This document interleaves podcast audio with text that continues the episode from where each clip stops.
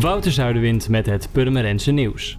Drie jonge mannen uit Horen en Zwaag die worden beschuldigd van een gewapende overval op een woning aan de Slaperdijk in Purmerend blijven voorlopig in de cel. Dat heeft de rechtbank in Alkmaar beslist tijdens een proforma zitting.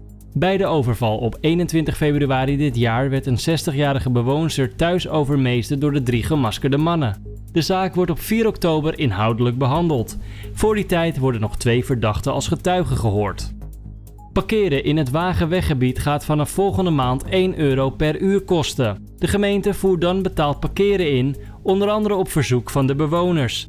De bewoners zelf krijgen een parkeervergunning. De binnenstad bereikbaar houden voor bewoners, bezoekers en ondernemers. Dat is de achterliggende gedachte van de gemeente om diverse parkeermaatregelen in te voeren.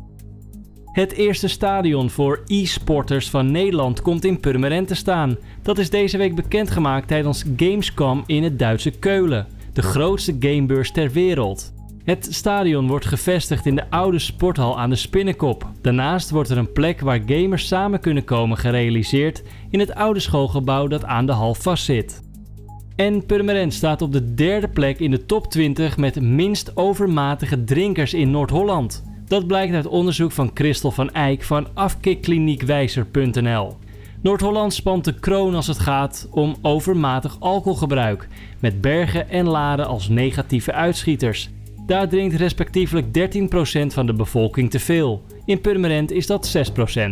Als richtlijn voor overmatig alcoholgebruik wordt 21 glazen per week voor een man en 14 glazen voor een vrouw aangehouden. Drink je meer dan dat, dan val je in de categorie zware drinker. Voor meer nieuws, kijk of luister je natuurlijk naar RTV Purmerend, volg je onze socials of ga je naar rtvpurmerend.nl.